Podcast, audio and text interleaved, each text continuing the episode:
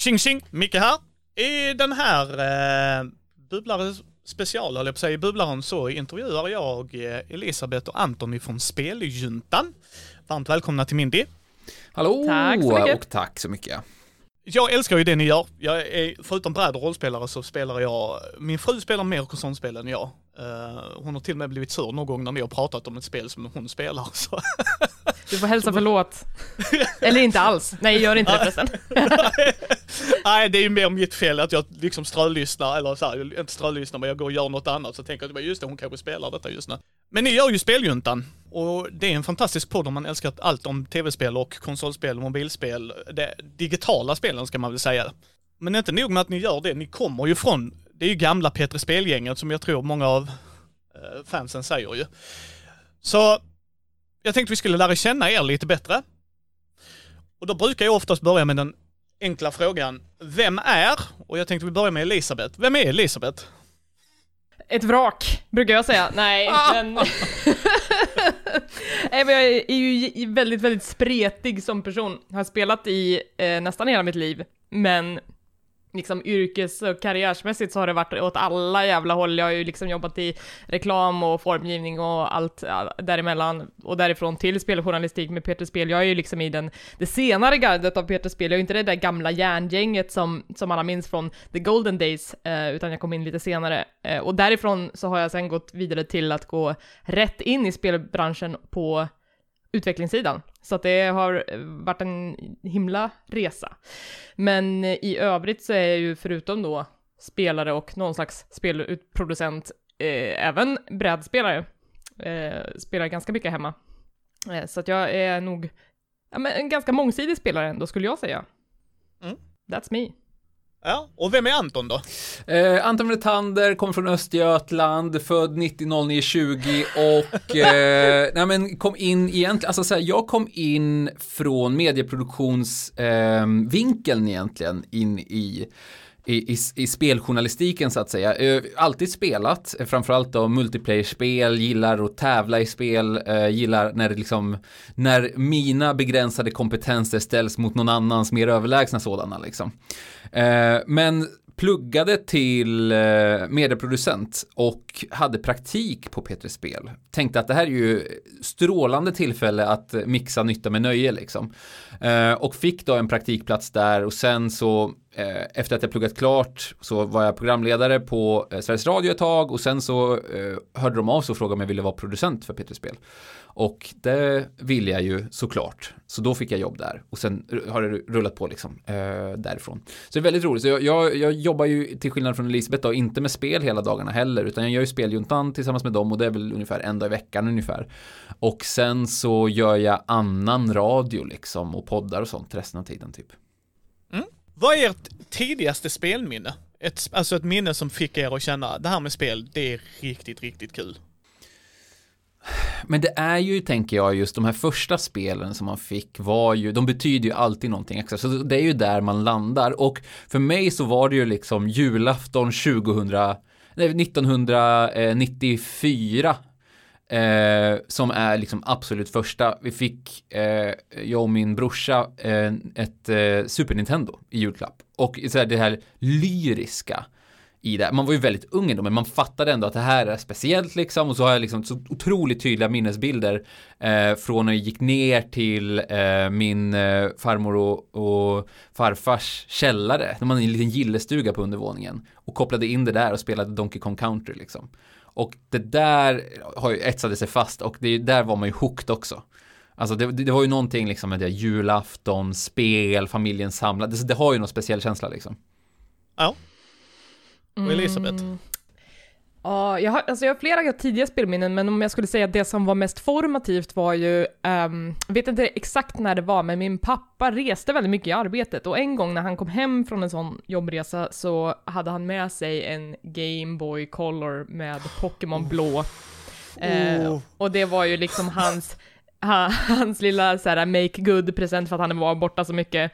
Eh, och sen så började ju min livslånga relation med Pokémon då, eh, och jag minns liksom att jag satt på på balkongtaket utanför mitt sovrumsfönster och spelade liksom i vårsolen och bara köttade igenom på mitt livsäventyr inuti um, den där lilla, lilla skärmen som, som Gameboyen hade ändå.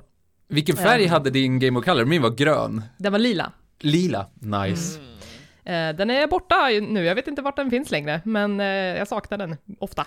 Men alltså eh, Pokémon eh, Blå var ju otroligt. Alltså det, det var ju ett sånt, jag, jag fick mitt genom att sälja jultidningar och det, alltså så mycket som man satt och spelade det där alltså och nötte och levlade upp sina, alltså försökte få dem till, de kunde väl bli, var det 99 som var max? Eller Jag kunde de bli det. 100 till och med? Kanske Om det var 99. Eh, det, var, det var ju egentligen när man tänker tillbaka på det helt sinnessjukt hur man gick tillväga, alltså nötte och nötte och nötte och det fanns ju ingen som helst vinning egentligen i att få dem dit. Förutom att det var nice. Det var nice. Eh, men det var väl också för att man ville ha sådär Pokémon som inte var, eh, vad ska man säga, starka per se, men man ville ta dem genom Elitfyran och göra det till sitt mästarlag liksom. Då var man tvungen att grinda upp dem till det för att de skulle vara viable på något sätt överhuvudtaget. Mm. Vilken är er favorit-Pokémon då? Balbasaur. Det är, det, är, det är tråkigt och OG-svar, men det är ändå, det har alltid haft en speciell plats i mitt hjärta. Jag hade den då på mitt eh, Pokémon Blå, jag, det var eh, ett av de absolut första Pokémon-korten jag fick, och sen så jag bara, ni vet hur man gick och drömde som barn om att ha en riktig Pokémon. Då var det ju Balbasaur jag ville ha. Ja, nej, jag, jag är också på i första generationen, men Eevee och dess utvecklingar var ju ändå så här, jag, det känns väldigt basic att svara det, men jag tycker att det är otrolig design på hela det gänget. Ja, Mini Psyduck. Älskar Ja. Psyduck. Älskar Psyduck. Ja, men det är ju bara kaos, han är ju bara kaos. Yes, och, och det är så charmigt när han bara Psyduck så springer han runt och, och så kan han rädda. Jag älskar, spoiler för er som inte har sett eh, Detective Pikachu eller vad den heter. Jag älskar när de hade med Psyducks där. Jag bara, det här är så jäkla bra! de är så värdelösa! det är också varför jag älskar att spela ankor i rollspel. Eh, Och det är för tack vare här- Ja, men det, det är samma grej där, men Ah, de är ju inte mäktiga, super så här. Nej, och det är det som är så jävla Men underbart. vadå, så du, du, uppskattar du att de är underdogs? Är det det som är grejen? Yes, japp. Mm. Och att de är underskattade just för, men de här är ju inte superbäst och så här. Nej, men vä- vänta bara. En Levlar man det till 99 då Ja. vet du? Eh, Och det var så löjligt, så jag utvecklade dem ytterst sällan till en Golduck. Det var bara, nope, jag vill ha min Psyduck. Det är, Ja men för där, Golduck å andra sidan är ju ganska tråkig istället. ja. Alltså Psyduck är ju, jag, jag förstår, där ser jag ju verkligen charmen, men utvecklingen är ju, den är ju en av de sämre kanske, till och med. Ja, sen gillar jag Eevee för att jag, jag är hundmänniska och jag tycker de är så jättefina, liksom såhär bara, ja. Men, precis som i både bräd och rollspel så har man ju olika genrer. Och så är det ju också i konsol och tv-spel och så. Så vilken är er favoritgenre? Alltså där ni är så här, er comfort zone. Det är liksom oftast dit ni går till när ni ska bara så här. Det här är där jag hör hemma mer eller mindre kaninöron. Även om man kan spela mycket så är det, till exempel jag gillar ju storydrivna spel väldigt mycket. Det är där jag oftast går till. Mm, jag är också en story-person och om jag skulle liksom behöva tvingas välja, för det, jag gillar inte att välja, jag vill ju liksom kunna spela allting, men jag landar ofta i rollspel, jag landar ofta i dating-simulatorer för att jag tycker det är lite fnissigt, eh, men också sådana här typ management-spel, eh, um, tänk typ såhär Stardew Valley eller stadsbyggarspel Ja. eller sådana saker, det kan man ju också liksom bara slösa bort en hel kväll på bara för att det är gött och lite meditativt att se ett, ett, eh, samhälle byggas upp och bli som ett självspelande piano på något sätt. Ehm, så att jag tror att det är de som är comfort-genrerna för mig, men sen så liksom doppar jag ju fötterna i andra grejer också. Absolut. Ja, så är det ju. Ja men det där är, det är intressant alltså, för det finns ju olika, beroende på sinnesstämning finns ju olika komfortspel tänker jag liksom. Och det, det, vissa är ju bara när man vill ha fötterna liksom på sofflocket och spela samtidigt, då är det ju liksom turordningsbaserade strategilir typ. Alltså Heroes of Might and Magic 3 är ett sånt spel som jag alltid kommer tillbaka till. För att det är bara, det, det, det, det träffar ju eh, allting perfekt liksom. Det är utmanande, det är liksom bra musik, det är kul att titta på, det är klurigt, eh, det har, det har ju allt det. Men sen så en, eh, har jag ju också plattformsspel som en, en go-to-genre som jag uppskattar väldigt, väldigt mycket. Och det behöver inte vara liksom svåra eller utmanande, men det kan vara det med, men bara att jag vet inte, det har någonting att springa åt höger liksom. Det är, det är Men det, är ju Ja, gött. det följer ju läsriktningen. Det här är ju Ja. en viktig liksom, grundprincip i grafisk form, att följa läsriktningen för att det ska kännas medgörligt. Så du har ju någonting här. Ja. Ja, men, eh, men du, borde de i kulturer som läser från höger till vänster då, ska man spegelvända spelen där? Ja, jag vet inte. Jag har uttalat mig om detta i en podd någon gång förut och fått arga mejl tillbaka, så jag vågar inte Okej, säga någonting. Vi säger det osagt då, fortsätt. Ja, ja, men det är bra. Ja, min, min, eh, jag, jag, jag spelar mycket Assassin's Creed, men jag har ett, jag, jag har, vad är det, 850 timmar i Civ eh, 5. Ja, Och det är sätta igång en podd, bara lyssna och sen kan jag Mm. hålla på med mina så här. Och det, liksom, man kan bara resa sig upp och gå. Det är Mm. lite som som hela spelet bara försvinner. Så. Nej, absolut. det där är ju en så himla, ja. Men just det där att lyssna på en podd medan jag spelar, att jag måste verkligen ha i alla fall ett sånt spel igång hela tiden där jag vet att så här, nu behöver jag inte sitta och så här, läsa eller fokusera på vad de Mm. säger och försöka så här, typ, ja ah, nu ska jag ge mig in i ett stort spel där de har, har byggt upp en helt ny fantasyvärld med 40 nya olika termer som jag måste lära mig. De spelen finns det en tid och en plats för, men ibland så vill jag bara ha någonting där jag kan vara helt hjärndöd och lyssna på något annat samtidigt. Helt Yes. klart. Eh, Ja, när jag redigerar podd spelar jag Hearthstone till exempel. För då Ja. kan jag sitta och lyssna och sen bara, och oftast Battleground, för då är det bara, gör jag det jag ska göra, bra, nu Just kan jag. det. Eh, och det, det är något, nej, nej. Vilket är ert favoritspel just nu och varför? Oh, alltså jag har varit inne i en riktigt tung Dota-period alltså. Senaste året typ. Dota 2 spelar jag eh, väldigt mycket nu och har väl klämt, alltså jag vet, alltså det är ju inte, det är inte några överdrivna mängder såklart, men senaste året så kanske liksom 500 timmar ungefär. Um, och jag har ju spelat Dota senaste 15 åren ungefär. Uh, och, men, men först nu verkligen känt att jag börjar bli lite bättre på det. Och det är ändå en ganska god känsla alltså. För det är ju ett sånt spel, om man inte, om man inte har spelat det så är det ju ett eh, Moba-spel, fem mot fem som möts på en karta och så ska man eh, ta sig över, man har en hjälte liksom som man levlar upp och en match tar mellan 20 minuter och en timme och 20 minuter ungefär. Det är sällan som det, oftast runt 40 liksom. Eh, och det är, den stora utmaningen här är ju eh, dels då att ja, men lära sig synergier mellan hjältarna huvudsakligen egentligen då, för att det är ju hundra hjältar lite drygt typ. Så att det är ganska mycket olika grejer att hålla reda på. Och sen så är det ju liksom strategiska beslut och man måste ha mycket erfarenhet och sen så finns det ju en väldigt stor spelarbas där det är många som är väldigt, väldigt duktiga. Så att går man in i, i den här genren så är det ju liksom, man är ju bedrövlig och sämst och jättedålig. Men att känna den här utvecklingen och se sig långsamt, långsamt komma upp för stegen är, eh, det betyder väldigt mycket. Eh, det blir väldigt, väldigt kul. Och jag vet inte, det är också ett spel som är, det är bara roligt i grunden liksom. Och det är jag verkligen inne i just nu, alltså och har ju varit då ganska, ganska länge nu. Det är nog min Ja men du är ju längsta av och till alltså. inne i det ganska ofta. Ja men alltså så- precis, och förr har det varit kanske kortare perioder egentligen, typ några månader kanske och sen så har jag släppt det. Men nu är jag uppe i ett år här och det är ju då rekordlångt och det är väl därför också som jag börjat klättra för jag faktiskt har liksom ja, men kommit in i det så mycket som det krävs. Men då blir det ju, och jag är ofta sån alltså, när jag kommer in mycket i ett spel då konsumerar jag det väldigt, väldigt mycket. Så då är det ju, det är ju några timmar om dagen med streams som står på, på bredvid också, typ när jag jobbar och sådär.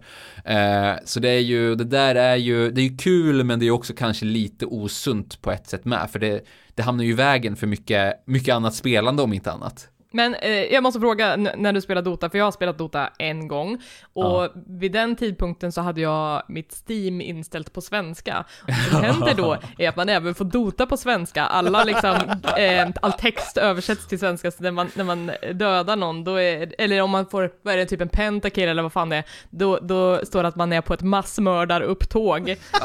Ja, det är har- har du det på svenska? Kul. Jag har det faktiskt inte på svenska, men en av mina eh, spelkompisar eh, som jag spelar Dota med ibland, han har det på svenska och det är ju ett evigt skämt när han försöker fråga om någonting Alltså, eller typ, för då liksom läser han upp beskrivningen eller han liksom säger det, namnet på abilityn på svenska och jag bara, jag vet inte vad du pratar om. Och det låter så dumt också när allt ska översättas till svenska, för det är ju fortfarande, de försöker ju typ ha kvar den här liksom ja men ni vet hypande formuleringar och kanske till och med bygga lite mystik och stämning och bara så här, och det faller så platt när det är på svenska. Det funkar verkligen inte. Uh, alltså tyvärr inte, man kanske borde byta över bara för skojs skull typ. Ja. Mm. Eh, jag tycker att det är en svår fråga att säga vad är mitt favoritspel just nu, för jag är inte en sån som köttar som du gör Anton, utan jag, eftersom jag spelar mycket storydrivet så är det att man spelar det och sen är det klart och sen går man vidare. Det är inte så mycket som man kan komma tillbaka till, för de är ju sällan ganska omspelbara på det sättet. Um, och sen så tycker jag inte att jag har kört så mycket liksom fullpoängare hittills i år i alla fall. Jag, på, jag var tvungen att liksom dra upp en lista för att titta på vad fan är det jag spelat egentligen. um, men liksom ett som jag spelar just nu är ganska o, eh, ohälsosamt mycket är ju det här mobilspelet Cookie Run Kingdom som vi liksom drog igång på speljuntan, en ganska stor eh, grej ja, vi pratade om det och så eh, uppmuntrade vi lyssnarna att komma och gå med i guild. Det kom typ 60 pers så vi var tvungna att starta tre guilds eller nej, typ, nästan 90 pers måste det ha varit.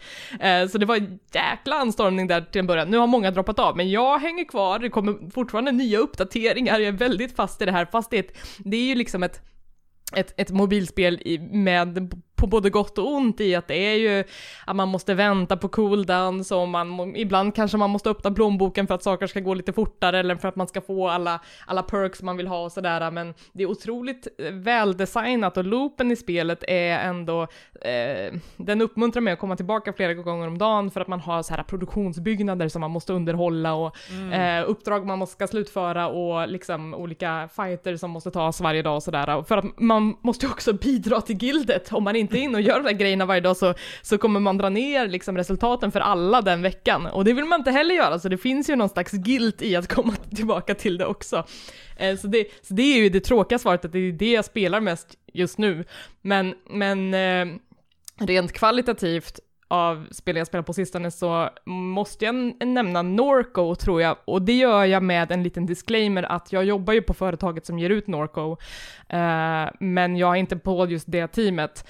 Eh, men det är ett peka och klicka-spel som, som är väldigt hyperlokalt, det utspelar sig i eh, en liten småstad i Louisiana, Norco, som då har byggts upp runt ett eh, oljeraffinaderi. Och då är spel, spelutvecklarna kommer ifrån den lilla byn och ville göra ett spel om det, men de har liksom gjort en liten övernaturlig cyberpunk-twist på det. Oh. Eh, och det är så otrolig pixel art i det och det är ett otroligt språk i berättandet, så att jag tycker verkligen att det här Um, Norco då är något utöver det vanliga, inte så himla långt heller, typ fem timmar, men det var en en spelupplevelse jag hade nyligen som dröjde sig kvar ändå.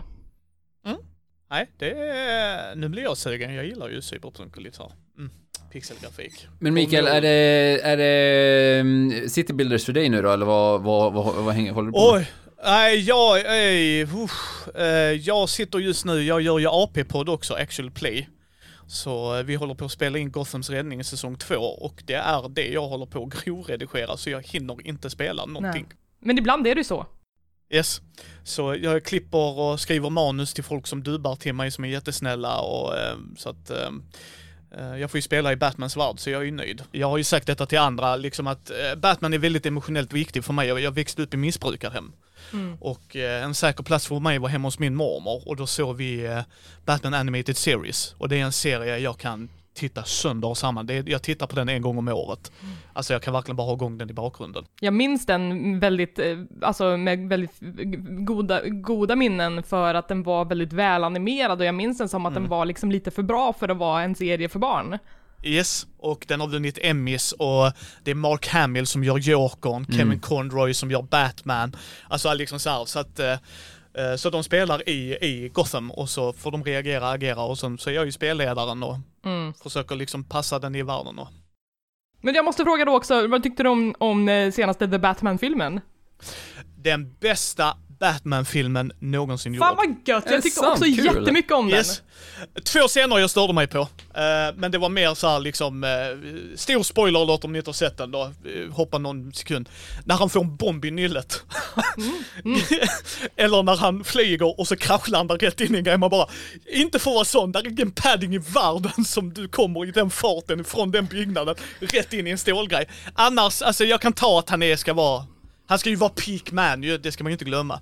Men eh, lite för lång och eh, jag saknade Batman och Alfred-scenerna. Mm. För att det är, min favoritduo som många misstar sig för är inte Batman och Robin, det är Batman och Alfred. Mm. Ja, nej, men det köper jag. Jag tänker också att nu när det, de, de, har liksom godkänt att det ska bli en uppföljare på den här, så hoppas jag att de kommer ta mer Bruce Wayne-spåret än vad de gjorde i den här yes. filmen, för här var det väldigt mycket lära sig att bli Batman. Nu måste han lära sig att bli Bruce Wayne på riktigt. Och där kommer ju Alfred in och kunna hjälpa till. Yes, men estetiskt, precis så som jag, eh, jag sa det till tjejerna, den ska ni se för att se hur mitt Gotham är. För det är verkligen så här dark gritty och eh, jag ser fram emot det nya. Det är nog det spelet jag har till och med varnat vår eh, chattgrupp för, för vi har en från Mindy, att när det nya Gotham-spelet kommer, där man kan spela antingen Batgirl, Nightwing eller Red Hood, då kommer jag vara off-grid i ett par månader. Då kommer jag bara sitta och nöta. Då kommer produktionen droppa, det kan jag säga. Ah shit, jag hoppas det blir allt du vill. Yes. Eh, nej, så att, men om jag, om jag får spela Anton så Sist jag spelade var Assassin's Creed Valhalla. Då spelade jag igenom hela. Och då var det också, då, då var det en polare. Det märks att Assassin's Creed har kommit. Varför? Mycket, mycket syns inte på nätet längre. Eh, men vilket spel har överraskat er genom åren? Alltså, det inte nyligen, men som verkligen bara kom från ingenstans och bara, det kan vara även ett spel som ni inte kanske gillade, utan bara det här förändrar hela industrin, branschen, synsätt och se.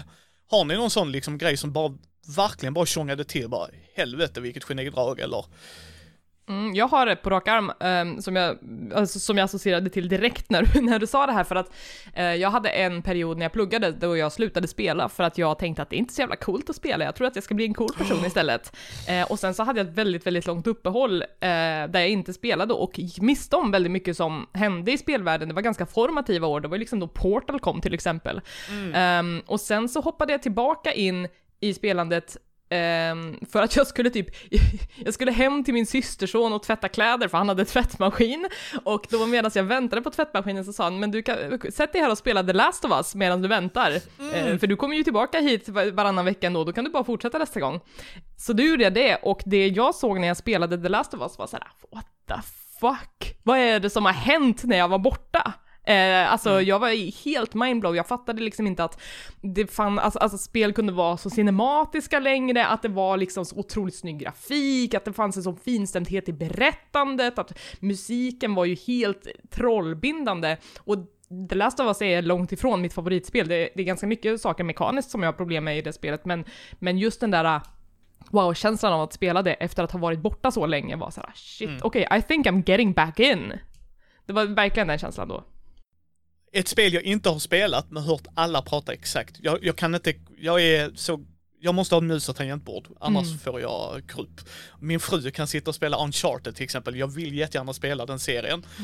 Men, men jag klarar inte utan det. Så att, men jag har hört just det, Last of Us är den, som du säger där liksom att då helt plötsligt så var det inte eh, Tetris eller eh, plattformsspel, utan då var det någon som, jag vill berätta en narrativ berättelse. För vuxna också, det är ju inte för, barn. vuxna. Nej, nej, nej för helvete. Det, det är ett stort its. Men för dig Anton, har du något sånt minne? Absolut, eh, men det finns ett som ligger ganska nära i tid egentligen som jag tycker blev väldigt, alltså som är intressant både ur ett så här spelhistoriskt perspektiv men också för mig personligen eh, blev väldigt så här, och det är ju eh, Unknowns Battlegrounds som kom, det var 2017.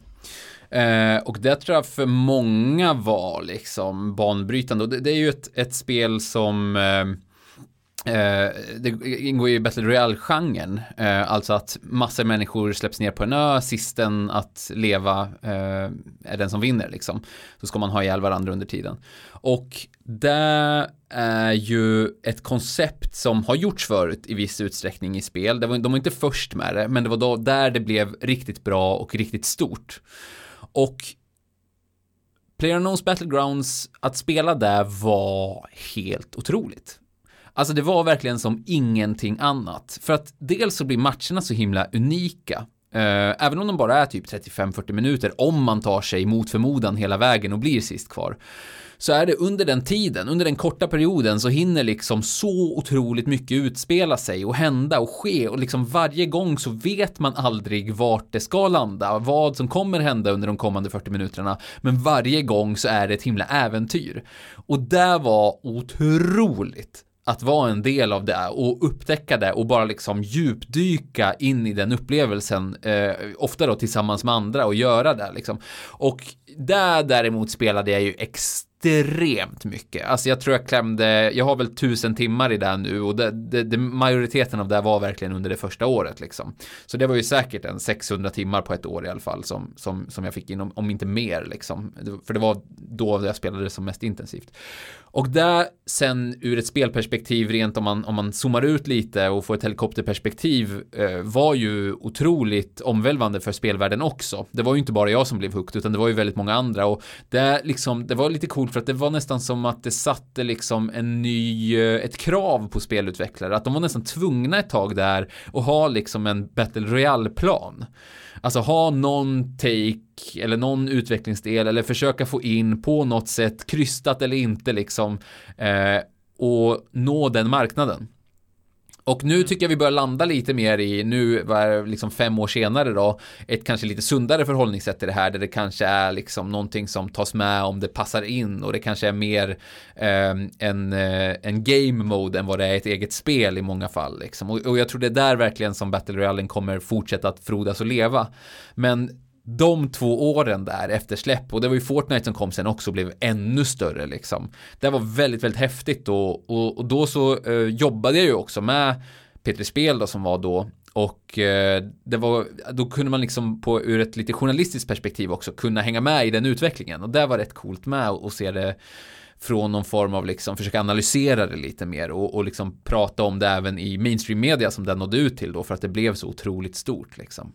Så det var, ja, det var himla häftigt. Alltså det är, så, det är ett så himla bra spel med. Det är så sjukt bra spel. För ni vet, alltså när det kom, det var ju så himla dåligt rent funktionsmässigt. Alltså man kunde ju sitta i, liksom det laggade något förfärligt, det var liksom ofta som menyerna inte funkade ordentligt, det var så mycket strul och stök. Och ändå satt man och genomlevde det, för att när det väl funkade så var det så himla bra liksom. Mm. Ja, och där är ju, där är ju någonting med det. Alltså det ska man ju inte få ta. Att om det spelet gav dig den känslan, även om det hade sina ah. pissiga element eller sämre element, att man ändå var kvar, det, då är det, då är, då är det någonting. Alltså verkligen. Eh, vilket spel har gjort er mest besvikna? Alltså som verkligen bara, det här var ju inte, och det kan bara vara, alltså, och, det, det, liksom för mig är det ju bara intressant för att jag kan ju gå in i ett spel som folk har hypat och det, det kan förstöra ett spel, precis som en film eller en bok gör, att någon bara Det här är det bästa som har hänt och så, och så absolut, det kan det ju vara för dem och så går man in och så bara Det var det inte för mig. Har ni någon sån liksom där ni kände att ni är inte med på hype-tåget eller det här bästa som har hänt någonsin grejen liksom, utan man kan fortfarande se tjusningen i det, men bara nej tack, det här var inte för mig. Ja, alltså ett, ett, tyvärr finns det ju ett ganska nä, exempel som är nära i tid och det är ju Battlefield 2042 ehm, eh, som kom för några månader sedan och eh, blev ju en, ett riktigt magplask tyvärr. Um, och där är ju så här, jag är ju stort Battlefield-fan, gillar verkligen spelserien och tyckt liksom spelat den mycket länge och eh, ty tycker alltid det är jätteroligt, framförallt när det är nysläpp liksom och man hoppar in i det och man har några dedikerade månader där man kör det och inget annat typ. Men det här funkade bara inte riktigt liksom. Alltså det, det, det, är lite svårt till och med att sätta fingret på vad det var som inte riktigt blev bra. För jag brydde mig inte så mycket. Det var ju lite buggar och stökigt så liksom. Det är fine. Det liksom har man varit med om förr. Det bryr jag mig inte så mycket om.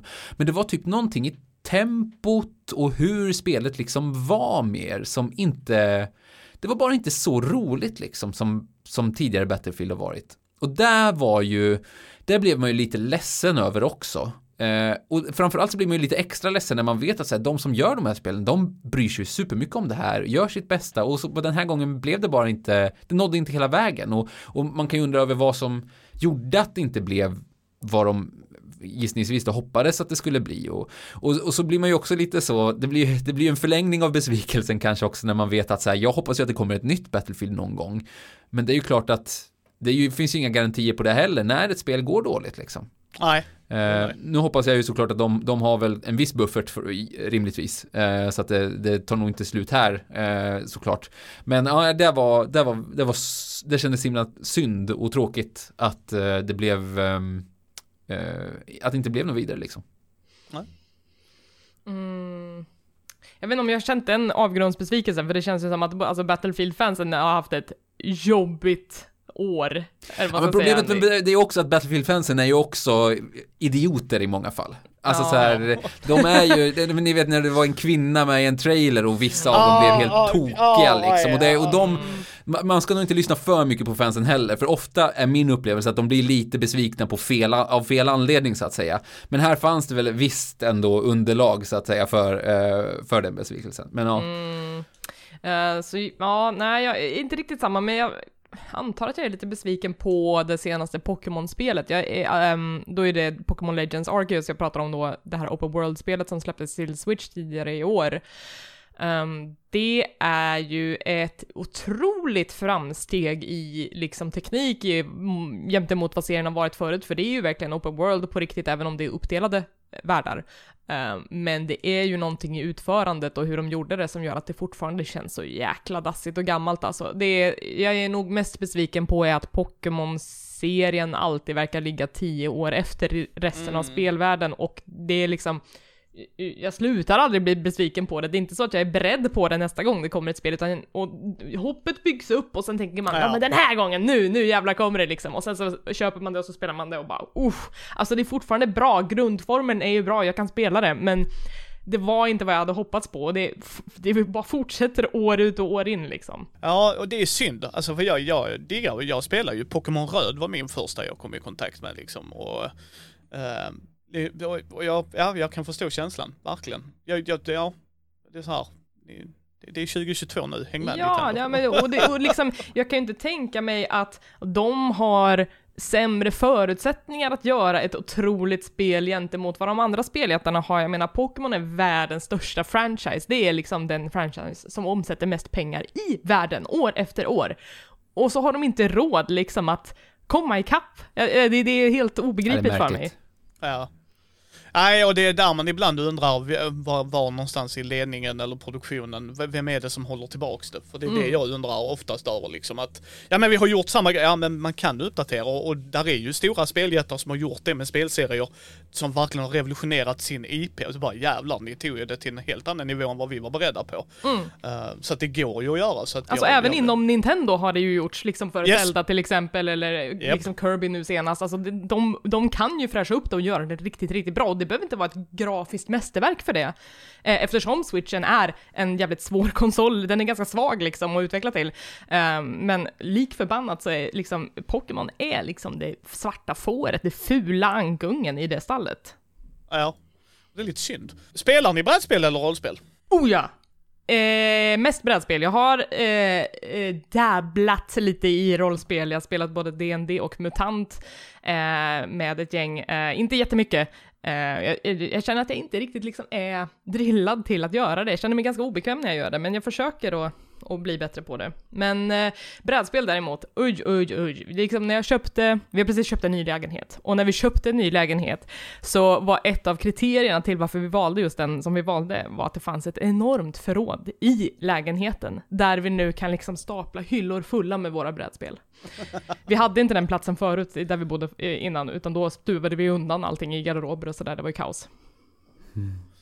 Alltså min eh, brädspelskompetens och, och, och spelvilja är ju lite mer begränsad. Alltså, eller viljan finns väl där, men eh, det blir alltid att jag sitter vid de digitala spelen istället. Så det är, så här, det oftast om jag kör eh, brädspel, då är det väl mer sådana här men familjespelaktiga grejer. Liksom sådana kortare historier som man kör med familjen på liksom jul och någon helg liksom. Eh, tyvärr kan jag säga, för jag, ofta, jag har ju kollat mycket på eh, men Elisabeths olika spelresor med, med brädspelen och det ser ju toppen ut. Men jag, jag eh, tror bara inte jag tar mig tiden liksom. Det är kanske så att jag måste bjuda hem dig så att du får Ja, det- liksom alltså, det- komma in ja, i den världen. Verkligen, en riktig smak av det. Men vi köpte ju den här, vad heter den då, Lions... Ja, Eh, Jaws of the Lion. Jaws of the Eh, Lion, precis, Ja, tack ja. Och spelade några, eh, några eh, segment, segment där jag och min, eh, min sambo. Och det var ju superkul. De uppdragen var jätteroliga och hela världsbygget och allting är ju toppen. Och sitta, sätta ut klistermärken på den här kartan som man ger sig ut över liksom. Men sen så här, och så här, så det är inte, och jag hade jätteroligt. Men sen så har jag inte plockat upp det igen riktigt. Vi körde liksom, satt tre gånger sittningar. Och sen så har jag inte plockat upp det. Jag tror att startsträckan för mig är är för lång ibland för att komma igång. Alltså, jag kan göra det, men jag kommer inte på att jag ska göra det så att säga. Så det är nog jag- mitt problem. För jag spred ju Jaws of the Lions lov eh, när jag hade testat det och jag var så här, alla borde spela det här, det är skitbra. Men grejen var ju också att jag hade ju spelat nästan hela Gloomhaven innan jag gav mig på Jaws of the Lion och den enda anledningen till att jag hade kunnat göra det var ju för att det var då eh, vi började med det, när covid drog igång. Då liksom gjorde vi clean slate, vi bara, vi börjar om från början Gloomhaven, nu kör vi skiten för vi får inte gå ut på helgerna ändå. Så det vi gjorde var att varje helgfrukost så tog vi ett eller två uppdrag och då kunde man ju faktiskt beta sig igenom det där jävla massiva spelet med 100 plus uppdrag i. Eh, och vi, vi, är ju klara med main story nu. Eh, men nu liksom när samhället är ett annat och man faktiskt får gå ut och göra grejer istället så fattar jag också att det blir svårare att ta sig den tiden som Gloomhaven och dess avknoppningar ändå kräver. Ja, men bra, det, jag får upplevelsen väldigt mycket eh, när jag hör folk som spelar brädspel prata om det, att det är mycket vana inbyggt i det. Alltså så här, att man ska mm. vara liksom, det ska vara en del av ens rutin på ett sätt att spela brädspel. Alltså det ska kännas självklart att plocka fram, snarare än någonting som man måste påminna sig om att göra liksom. Ja, det kan, det kan jag säga dig. Nu på lördag ska jag till en av mina bästa vänner och vi ska sitta och spela brädspel hela dagen. Det är det vi gör. Det är ytterst få gånger jag bara drar upp ett spel och bara sätter upp tre timmar. Mm.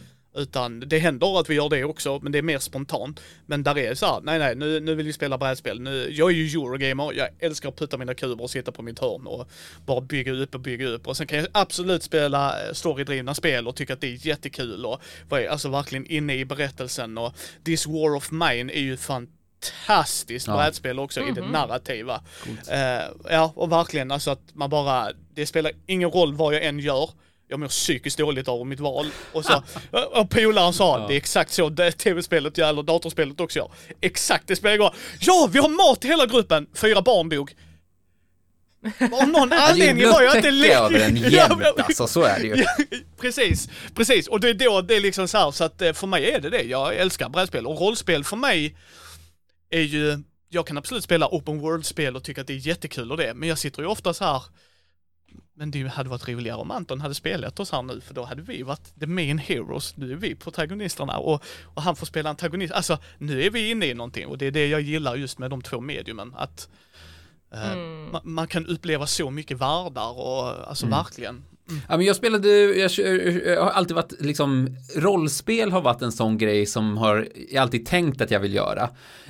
Um, och som alltid varit väldigt nyfiken på, som jag vet att jag skulle tycka var superroligt liksom. Så för några år sedan så var det jag och några, en, en grupp kompisar som ändå startade en mutantkampanj liksom och satte oss in i det och körde ett gäng sittningar.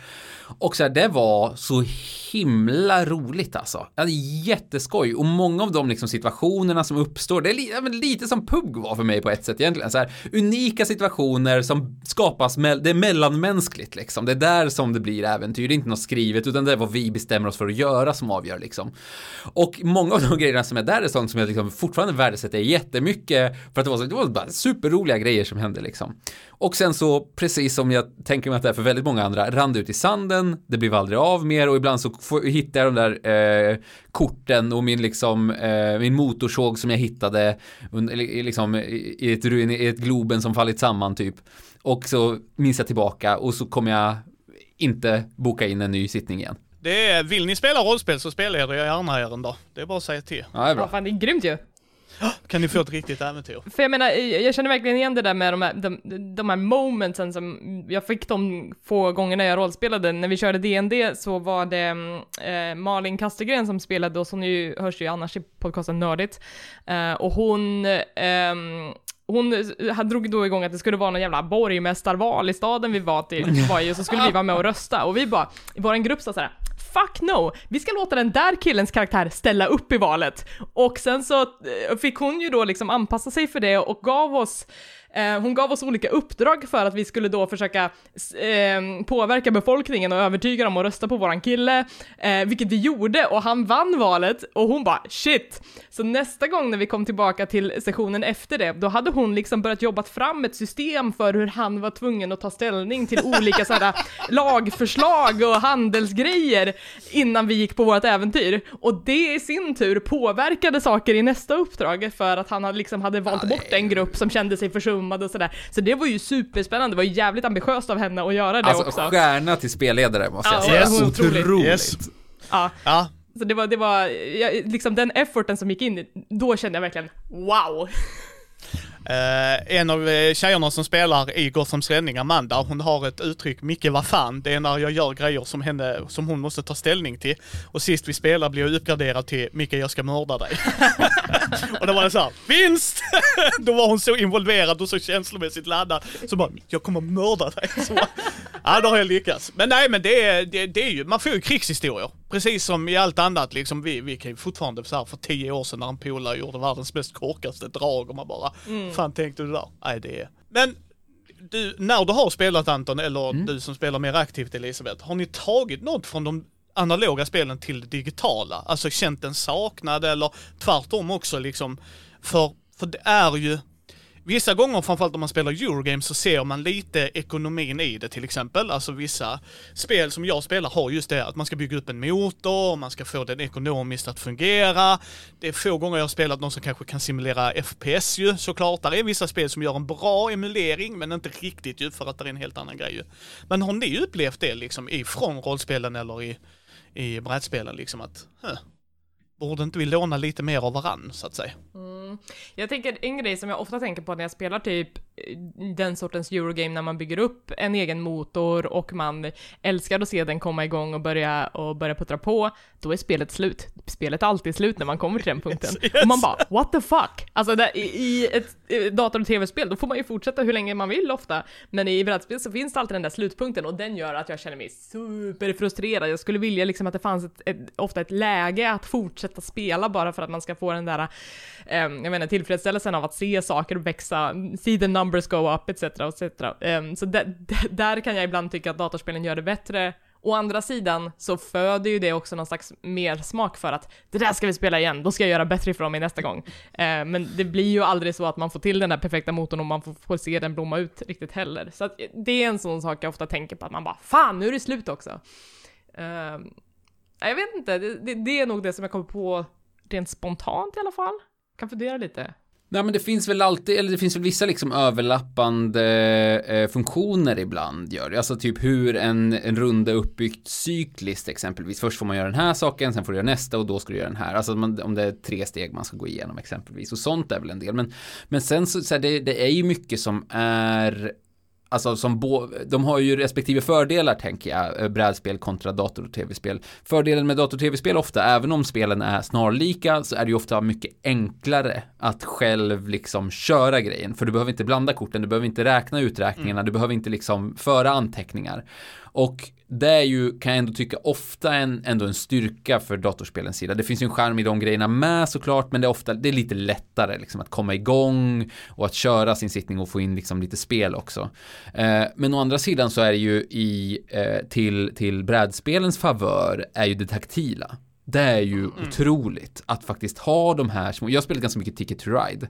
Och ha, att ha, och ha någon så här, ni vet, ja men eh, anniversary-utgåva med jättefina små ja. eh, tåg, eh, alltså, ja, tåg och vagnar och sådär. Och att, att sitta och ha dem eh, och ta i dem och kunna sätta ut dem och placera dem själv, bara liksom den känslan gör ju också jättemycket verkligen. Att det är, det är på riktigt på ett sätt liksom. Mm. Ja, det håller jag helt med dig om. Det, jag har ju spelat digitalt nu under pandemin och framförallt eh, en i podden, Thomas, bor 120 mil ifrån mig, han bor i Umeå. Så att vi kan göra den resan, det är ju fortfarande kul. Men det är som du säger Anton, det finns inget roligare än att flytta den kubjäveln själv. Alltså, även, även, verkligen, verkligen.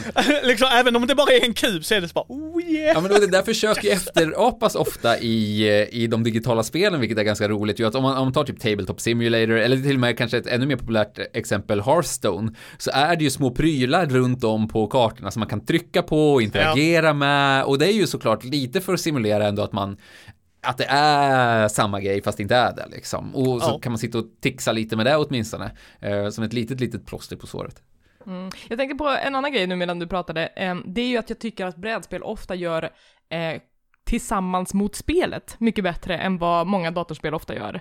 Um, alltså det finns ju jättebra co-op spel, men då, jag tänker att de ofta är liksom actionbaserade, att man spelar samma ja. story eller så vidare, men ett co-op-spel i, i brädspelsform kan ofta vara att man bygger saker på sitt håll och sen så går man och gör någonting tillsammans. Alltså det, jag vet inte, det känns som att det finns mer tankeverksamhet som är gjord i brädspelens värld på liksom hur kan man göra en, en kul co-op-upplevelse som är tillfredsställande för alla hela tiden. Um, så att det, det, skulle jag nog kanske vilja se mer av i, i den digitala spelvärlden. Men det där är en sak som jag är nästan helt outforskad för mig måste jag säga i brädspel. Alltså det här vi mot spelet. För jag har nästan bara spelat brädspel där det är tävling mellan spelarna liksom. Mm. Samarbetsspelsgenren är, jag kan hålla med dig där Elisabeth, att det, den är stor. Det skulle jag rekommendera dig Ja. Anton att besöka. För Pandemic som är en, en klassiker nu, en modern klassiker, bara det eh, kanske temat under pandemin kanske inte var det bästa men eh, är bara den designen att man hjälps åt mot spelet och att det är tillräckligt mycket slump för att du ska kunna komma tillbaks till. För det är ju en grej datorgenren kan göra så att datorn kan ju slumpa fram grejer så här men här får man det och där är många bra samarbetsspel. Eh, som jag också känner att det är alltid oftast pang-pang eller slåss-slåss i Mm. datorgenren. Det är ytterst sällan, nu är vi tre äventyrare som ska gå på detektiv. Uh, Mansion of Madness, om ni älskar Call of Cthulhu. H.P. Lovecrafts värld. Alltså det är, nu är det lite mix med appen såklart, men det är ju fortfarande ett samarbetsspel där vi är tre utredare som är på en plats vi inte ska vara på. Nu ska vi lösa det. Och man måste liksom resonera sig fram till saker, för att i, Mm. co-op-spel så handlar det inte så mycket om att resonera, utan det kanske handlar mer om skillbaserade saker, att såhär, Yes. klara det här hoppet, eller bara en person behöver klara det här hoppet och sen är vi fine. Eh, men det är aldrig så mycket att man sitter och diskuterar saker, för att det är väl tänkt att man ska kunna spela det online utan att behöva prata med någon också. Det kan jag ju respektera på ett sätt, men jag, ja, men jag saknar det liksom. Just i- Pandemic är ett så himla bra exempel, för där sitter man, man har den där stora världskartan framför sig, man ser att viruset börjar spridas, man har de här tre karaktärerna begränsat med eh, actions att göra. Var måste vi börja? Hur ska vi tackla det här liksom? Det, det blir en, en, eh, jag vet inte, en mycket mer intressant upplevelse. Men det måste ju ha, ha att göra med, alltså dels är det ju tempo i spelet, alltså digitala spel eh, kräver ofta ett högre tempo för att upprätthålla intresset, tänker man som utvecklare. Men, men eh, medan i brädspelen så är ju det mellanmänskliga mycket mer givet i och med att man sitter vid samma bord. Alltså diskussionen är spelet snarare än, än spelet i sig på ett sätt. Um, det där är det, där är väl skillnaden. Men, men det där borde, jag menar, i och med hur mycket digitala kommunikationslösningar som finns idag och hur populärt det är med Discord och så vidare, så borde ju det där vara en sån sak som, som kan få en mycket tydligare plats i spel, i digitala spel också, tänker jag mig. Ja, eh, Just One är ett spel jag kan rekommendera er om ni inte har spelat. Jag har inte kört. Nej, det är ett bra partyspel och det, det kan du spela med alla i familjen och det. Man, eh, man spelar i lag. Eh, så att det är vi mot spelet, alltså man ska få så mycket poäng som möjligt. En spelare drar ett kort, där är 1 till 5 tror jag det är. Och så är det olika ord. Batman, eh, cykel, spelar ingen roll. Och så ska den personen inte se kortet framför sig. Och så ska jag säga 1. Då kanske ni ser att det är Batman. Då ska ni, utan att kommunicera med varandra, skriva ner ett ord. Och det får ju inte vara Batman då, man får inte skriva det ordet så. Och sen, innan ni visar mig, ska ni visa varann. Så om ni kanske då skriver Alfred, tänker Elisabeth och Anton, där har vi det. Så visar ni det och ni har skrivit samma, får ni lägga ner, då får jag inte se det. Så bara den intressanta mekaniken och få folk, okej, nu ska jag ta det mest obskyra grejen jag kan i det här ämnet och så synkar Anton och jag och det är alltid roligt att se folks reaktion när de börjar skojbråka med varandra. Så bara, vad fan tänkte du på den grejen för? Det var det jag gjorde. Men det är så intressant design i att hur ska vi kommunicera? För nu kommer kommunikationen fram och jag bara älskar Jag kan rekommendera varmt till er. Det är ett av mina favoritpartyspel någonsin. För det är, hur fan ska jag förmedla den här grejen till dig utan att göra det för uppenbart och vi är fem andra vid bordet som också ska göra samma grej. Det låter kul. Ja, ja det, det, det är tips eh, som ni kan spela vid jul också. Jag har spelat det mycket med äldre och unga, alltså det är verkligen en mix av det. Och eh, ibland överraskar unga en och så bara, just det, du gjorde det mer enkelt än vad vi andra gjorde. Fantastiskt bra. Vi klarade detta för det var det enda ordet som syntes. så att, nej, men jag, mm, jag saknar det också. Vi spelade, vad hette det när man, var det Josef Fares som skrev det? När man var två som rymde från ett fängelse. Mm, A way out, ja precis. Yes. Yes, det var nog en av få gånger jag kände ni gjorde någon knorr på detta. Absolut. Han, eh, han är ju en av de som faktiskt tänker på genren och funderar på hur kan vi pusha co-op vidare. Eh, och just då couch co-op kanske specifikt. Ehm, så det, det uppmuntrar jag starkt verkligen. Ja men och det är ju också ett kvitto på det, för jag menar han har ju lyckats väldigt, väldigt bra. Dels för att det är bra spel såklart, men också för att det finns ju ett, ett eh, intresse från spelarbasen som verkligen inte är mättat liksom.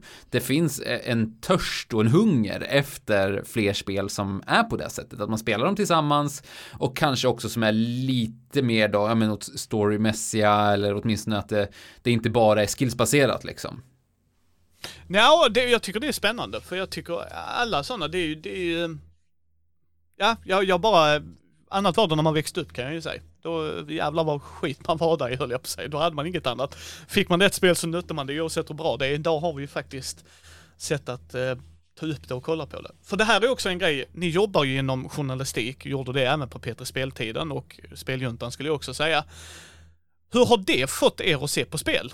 För jag har ju fått det när jag har börjat intervjua folk eller man, jag håller på att skriva ett rollspel själv med en kompis, alltså man har ju en mäktig respekt. Bara ta den själva grejen att jag sitter och klipper allt själv. Jag fattar varför det är ett pris för folk som producerar. Jag, jag förstår det. Och jag tycker att det borde nästan vara lika viktigt som de som levererar replikerna i en scen. Liksom att ni förstår inte hur mycket den här personen har klippt grejer liksom. Så hur har det förändrat er? Har ni ibland blivit så avmättade i det att ni borde ju kunnat gjort detta bättre. Förstår ni lite vad jag menar? Ibland kanske man är överseende för att man inte vet. Men när man själv vet så kan man ju kanske bli lite mer så här, alltså kom igen. Alltså det här borde ju inte vara en grej 2022, till exempel. Både det, att man, att man blir mer kritisk, men jag har också märkt på de senaste åren att jag har blivit mer avtrubbad, att jag kanske inte tillåter mig själv att känna den här eh, rena glädjen över ett spel, att, att känna bara fan vad kul det här är, jag älskar det, utan jag känner att kanske att jag, ibland att jag måste motivera det för jag vet inte, ingen.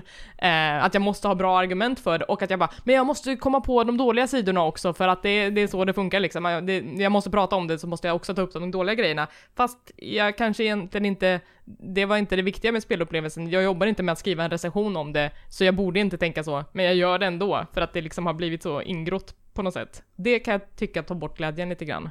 Ja men alltså mycket har väl att göra med också, tänker jag med, att när man jobbar med spel på det sättet som vi har gjort så är det ju också att se mönster på ett annat sätt. Mm. Alltså när man som enskild spelare, eller när jag bara spelade för spelandets skull, då körde jag det jag körde och sen så var det inte mer med det och man gick inte, jag gick inte och tänkte på det massor och sådär. Medan nu när, när, när jag jobbar med det på ett annat sätt så, så dels tar man ett steg tillbaka kring spelen och försöker liksom se dem i ett större sammanhang. Men också så, så liksom letar man ju lite mer efter mönster och har ju också möjlighet att liksom skaffa sig eh, kunskapen kring spel och spelvärlden som tillåter en att se de mönstren. Ehm, I och med att vi spelar väldigt mycket olika spel och man diskuterar spel väldigt mycket och det är också eh, liksom branschgrejer som man pratar om och ser liksom strömningar som finns inom spelvärlden just vid det här tillfället och även eftersom vi gjort det här över ganska lång tid så, så liksom tillåter det en att ändå dra större slutsatser kring liksom spel som fenomen än vad man kanske, än vad jag i alla fall hade kunnat gjort om jag inte jobbade med det. Um, och det är ju en förbannelse såklart, men också en, en väldigt, väldigt givande och tillfredsställande grej att kunna göra. Att man faktiskt har liksom kött på benen, kompetens och ändå någon typ av mandat faktiskt för att man ja, men, ha, har ägnat så mycket tid på det. Eh, och det är ju å andra sidan guld värt och känns ju jätteroligt att kunna göra det och diskutera. Och det betyder såklart inte att man ibland kanske ser spöken där de inte finns eller drar fel slutsatser. Det gör jag allt som oftast, men, men man gör sitt bästa åtminstone och, och det är ju väldigt kul faktiskt. Mm. Nej, jag, jag kan hålla med. Alltså där är vissa grejer Innan kunde man ju säga till kompisarna att det var bra det går ju inte om man gör en podd. Absolut bara... det räcker inte. Ja, det gäller att demontera liksom. Yes, Minsta precis. pinal. ja, nej, och ibland, ibland räcker det bara att man bara skriver att det är bra, men du kan inte bara säga att det är bra. Jaha, mer då, varför var det bra? Vad, vad var det som gjorde det bra? Och, och, ibland kan man ju landa i, och det har ni gjort själva, jag tycker ni sköter det galant. Jag vet inte vad det är, men jag bara gillar det. Och det är också okej okay att säga, men då har du ändå uttryckligen sagt det. Så att de inte bara, jaha, varför gillar Anton det? Var det mm. mekaniken? Var det Eh, inläggen och allt det där. Men ni pratar ju om nyheter och sen vilka spel som ni har spelat och allt det där. Men hur ser den processen ut bakom kulisserna för folk? Vad, alltså vilka nyheter, är det bara att ni har fritt och alltså, sen du, skriver Det redaktionella arbetet som ligger bakom speljuntan är ju otroligt underväldigande skulle jag säga. Sladdrigt är det. Sladdrigt är det. Nej men det här är ju faktiskt, och, och, av, så här, det här har väl att göra med att det blir kanske bäst på det sättet. Men det är ju eh, praktiskt taget, eh, som det brukar se ut, vi spelar in på måndagar, vi spelar in måndag eftermiddag och måndag morgon så är det någon av oss fyra som tar på sig ansvaret att göra ett dokument. Som kommer på att shit, vi behöver ett körschema. vi behöver ett dokument. Eh, och där i så har man då, men under veckan haft med sig såklart, nästa vecka är det podd, vilket är varje vecka då, så man har alltid med sig det här. Och så om det är någon nyhet som man studsar på eller som kommer upp så slänger man in den, men ofta, för mig i alla fall då, så brukar jag kolla runt då på måndag morgon, kika vad som har hänt, försöker tänka tillbaka på vad man har sett och så lägger man in ett gäng förslag och så diskuterar vi dem och så brukar vi väl kanske man plockar något, adderar någonting, frågar vem som har spelat något och så lägger man in det också. Så kanske någon har funderat på en liksom större diskussionspunkt och då så lyfter vi den och så eh, försöker man ha liksom en varierad, eh, ett varierat utbud under i, genom avsnittet då eh, som man ja, försöker då konstruera under, under den här tiden. Eh, så det, det, är väldigt eh, fri, fritt flygande skulle jag säga hur det är. Mer frifräsigt än vad det var på Petra Spel, för där kändes det ändå som att man man hade någon slags uppdrag att förmedla en varierad och allmän, liksom, allmänintressebaserad bevakning, att, att vi valde nyheter lite mer omsorgsfullt nu, men när vi startade Speljuntan så var vi också väldigt tydliga mot varandra med att vi kommer nu göra den podden vi vill göra. Ingen berättar för oss vad vi ska göra. Det är självklart så kommer vi försöka ge lyssnarna det de vill ha. Vi har ju lärt känna våra lyssnare på ett väldigt intimt sätt tack vare att vi har haft liksom Discord och Twitch-chattar och sådär. Vi, vi, vi liksom vet ju namnen på våra stammisar och vi vet vad de vill höra för någonting. Så det är klart att det också spelar in. Men till syvende och sist så är det ju verkligen vi som väljer vad vi vill prata om. Jag har ingenting att Mm. säga om det här. Nej men då, då struntar vi i det liksom. Ja. Och det tycker jag är skönt, för att det märks lite, kan jag känna som lyssnare, att det är ett genuint samtal mellan fyra vänner. Som råkar vara spelintresserade, som råkar så- ha speljournalistik i bakgrunden. Som alltså, att det blir, måste vi prata om det här? Och då kan man nog säga, ja det kanske vi måste för det är så stort. Ja men okej, då, då är det ju en grej va, men samtidigt så här, nej, vi kanske inte behöver nämna detta. För att vi inte bryr oss egentligen och det får också vara okej ju. Ja, men och jag tror att det är så här, för eftersom vi alla har jobbat eh, inom radio, med media och olika liksom eh, produktionsmässiga grejer så finns det ju också ett, alla har ju ett redaktionellt öga med sig hela tiden, vilket jag tror gör också att den här processen funkar väldigt bra för oss. För att ingen slänger in saker som är helt uppåt väggarna eller som liksom är totalt ointressanta eller sådär utan det är ju bra grejer som kommer direkt för att alla vet vad som är bra liksom. Eh, och man lägger in, ja, men som Elisabeth är inne på också, sånt som vi brinner för lägger vi in och då respekterar man att någon brinner för det och då vet man också, för att vi har gjort det här förut, att det kommer bli bra. För om man själv bryr sig, då så kommer andra bry sig också liksom. Så att så här, jag tror att det, det och här får man väl eh, kanske då, det är väl lite ofint att säga så, men eller man, vi kanske ska dunka oss på, själva på ryggen lite åtminstone, i att så här, vi har den kompetensen, vi är bra på det urvalet. Eh, så därför så blir det också en väldigt smärtfri process eh, väldigt många gånger. Speciellt eftersom jag menar, typ Angelica har gjort det i tio år. Ja. De, de, de tio åren är ju inte liksom för intet. Det, man växer ju som person med den sortens erfarenhet. Det är helt klart ju, och det är det jag menar, det märks ju. Alltså att vissa gånger så märker man att ni, ni kanske inte är överförtjusta att prata om Blizzard, eh, alltså härvan liksom, i hur de har, för att det är tråkigt och pissigt och så. Men Älskar är att fortfarande- trasha Blizzard nu för tiden. ja, ja, ja nej, men vad jag menar är liksom för att man kanske vill lyfta upp grejer för att man ibland behöver man prata om positiva grejer också. Ja. Samtidigt är det vissa grejer som man måste prata om i, liksom, vi kan inte släppa detta. Nej. Och det, ni, ni gör det jävligt bra. Eh, hur hårt klipps avsnitten? Inte Ja. jättemycket, alltså vi Alltså det är, är ju... så nära nollklipp som man kommer nästan alltså, faktiskt. Vi är ju rutinerade på det sättet, Ja. vi vet liksom att eh, ja, det här behöver vara så här långt, vi kan till och med skriva liksom små noteringar att det här ska ta 25 minuter och när vi ser att det börjar närma sig 25 minuter på våran inspelning, då börjar vi runda av liksom. Vi är, vi är med på det, vi har gjort det här så länge nu så att vi, det är sällan att det är mycket omtagningar eh, eller sånt. Ja, det är, alltså, omtagningar är ju nästan ingen. Vi, vi kör ju vad, vad som kallas eh, live on tape i, i radiovärlden, eh, vilket innebär då att vi behandlar det som en liveinspelning eh, nästintill. Ehm, och sen så i slutet så är det liksom, vi, vi kan ibland ha någon, vi har ett nyhetssnack oftast och sen så har vi liksom spelintryck från veckan och däremellan så har vi som en reklampaus där vi gör egenklippen, egenklippt reklam, reklam som vi slänger Vi in. gör liksom. reklam för oss själva. Ja, det, det är bara, det är bara ett, Trams. det är egentligen en, en anledning för oss att få göra radioteater liksom. Ehm, men, och där, när den pausen sker i programmet så att säga, så har vi också en paus i inspelningen där vi kanske bara, okej, vart ligger vi till, vilken ordning ska vi ha på sista delen här liksom. Eh, och den klipps ju bort då, men annars är det liksom från start till slut är det, det är nästan inga klipp alls alltså. Ibland så har vi ju, vi har ju Patreon då som eh, folk stöttar oss på väldigt vänligt och dit skickar vi ibland grejer när vi har blivit tjocka som det heter, alltså när vi har spelat in för mycket då så kan vi kanske kapa en nyhet. Nu gör vi det, eh, bestämmer vi oss innan för att vi ska göra det och då så kapar man ut den och sen så langar ut den i ett separat flöde. Men annars så är det, det är typ det som, som sker. Men däremot så drar vi ju iväg programmet till mix. Vi har ju en ljudtekniker som är extremt duktig.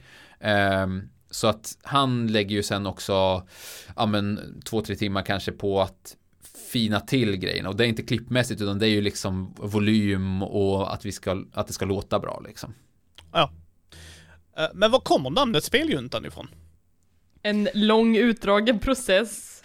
Det Shit, finns ett tog dokument. Tid, alltså. Det tog det finns ett dokument med alla våra förslag som vi hade för vad den här nya podden skulle heta och det var, eh, det, det var eh, liksom på slutet var det så att det var lite jobbigt att jag bara, vad som helst blir bra. Bara, kör bara. liksom. Det kändes inte Ja. som att namnet var det viktiga heller på slutet utan det viktiga var att vi fick göra en till podd. Jag vet inte, vem var det som kom på det? Ja, det, jag, det var faktiskt jag som gjorde Ja, det till slut. Eh, det var ju en bit, det var ju, alltså det var så, vi, var så, vi hade många förslag, alltså många, många, många förslag. Och brainstormade mycket kring det. Och det var ju en del som var också starka, men sen så var, eh, la jag det här förslaget och jag tycker nog ganska snabbt så var alla med på att det var, liksom det, det rimmade väldigt väl. För det funkar på många olika nivåer och känns liksom Alltså för eh, så här var det, när vi jobbade med P3 Spel så fanns det hela tiden en tanke på målgrupp. Vem man skulle nå med programmet och då var det ju eh, P3, P3s målgrupp då som är, eh, det, den är ju lite yngre än vad vi faktiskt är och visar sig de som lyssnar på oss faktiskt är också. Då siktar man ju på helst då tonåringar eh, eller tidiga 20-årsåldern liksom. Och speljuntan är ju en såklart spin-off på syjuntor. Eh, vilket då har lite annan målgrupp. Och då kändes det ju väldigt kul också att kunna liksom Ja men ta in ändå spel i det rummet också.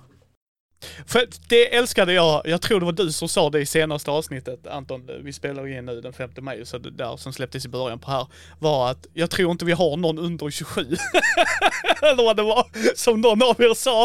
Och jag bara älskade det så bara, japp, jag tror det också. Jag tror det Och det är inte negativt, tvärtom. Jag bara älskar, så on point kan man vara. Så bara, nu är det någon som är under 27 som inte kommer att lyssna. Har vi, har vi ens någon som är under 27 som lyssnar? Inte för att ni inte skulle uppskatta det, tror jag säkert ni hade gjort. Men jag bara tänkte att man kan sin egna målgrupp så mycket att okej, vi kanske tappar tre.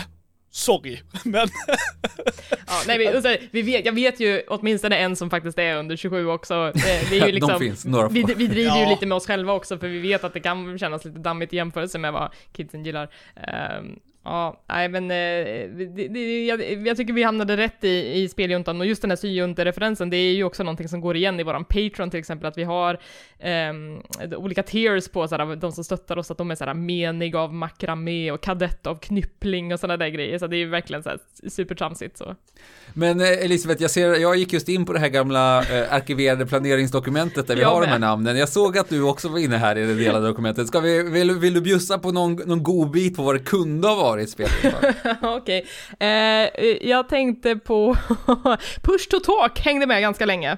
ja, den är bra. Den, men den stekte vi också för att det kändes lite för internationellt kanske. Press F var vi ju inne på lite med, men det kändes som att det var det är nästan för ungdomligt också för, för att kunna funka bra.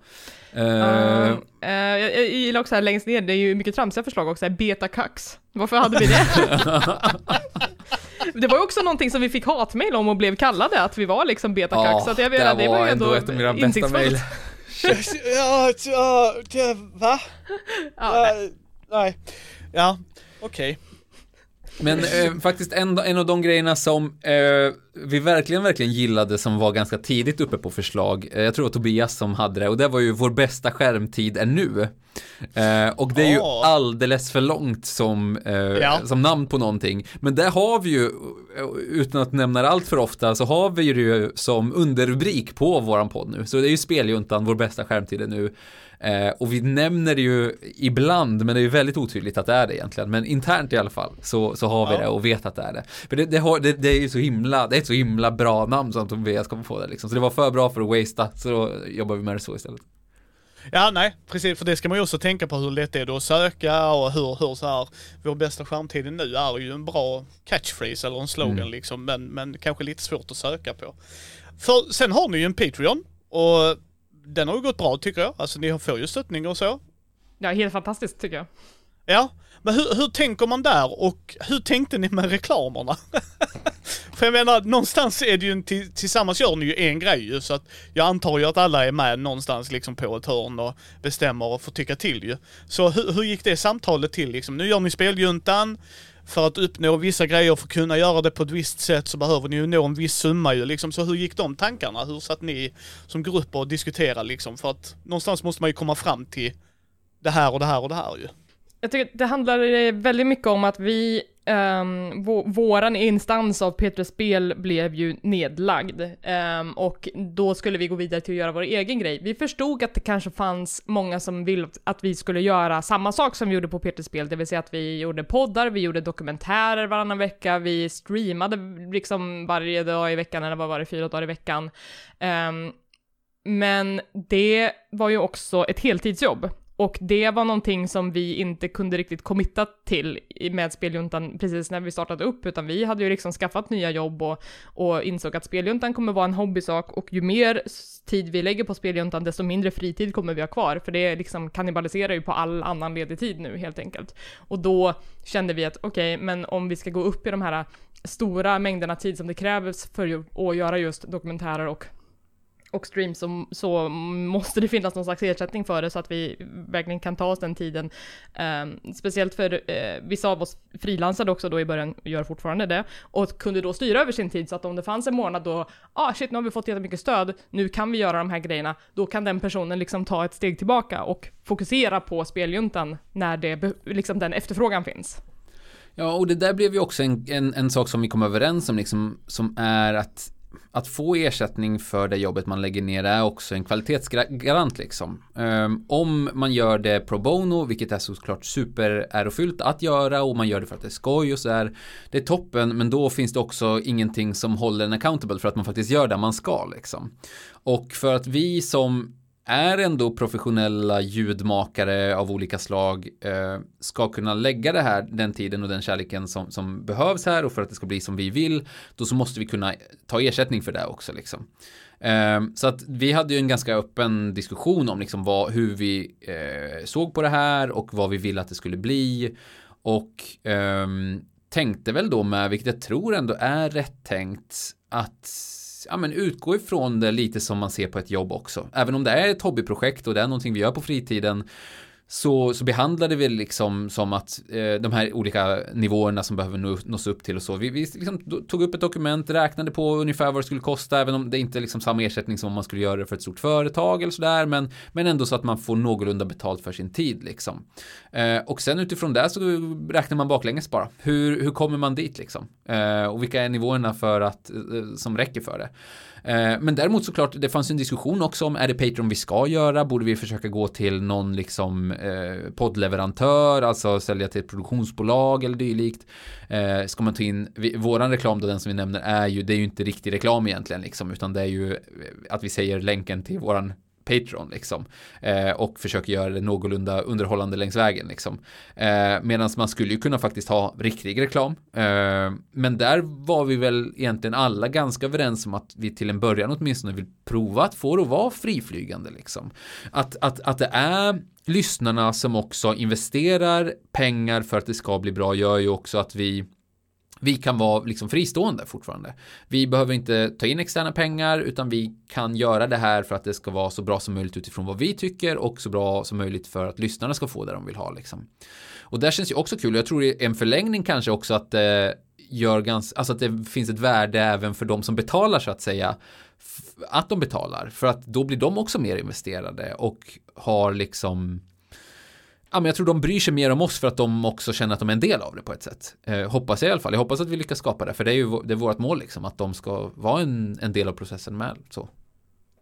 Ja, nej jag tycker ni har lyckats jättebra. För den enda reklamen är ju som sagt det och det kan man hoppa om man faktiskt vill ju. Alltså, Ja, ja verkligen. ja nej men liksom alltså det är inte, man vet att det är, aha det är deras Patreon-grej, jag har Ja, nu, nu, cringe i 40 sekunder tänker man och så Ja, trycker ja. man på eh, 15 sekunder framåt två, två gånger liksom. Ja men förbi. typ alltså, om man vill, alltså man behöver ju inte, men det är det jag menar att det är där skillnaden är och jag tycker ni har nailat det som Sören. Ja, men det där vet man ju med, för alltså så här, med folk som, som har eh, fristående poddar när det är massa extern reklam. Det är ju, det, det förtar ju lite av upplevelsen som lyssnare kan jag tycka. Men först ska vi Ehm, prata Ja, alltså Ja. du vet. Och, det, alltså, alltså, och, och att om man kan få ersättning och sen slippa göra det, är ju, det är ju värt mycket alltså, tycker jag.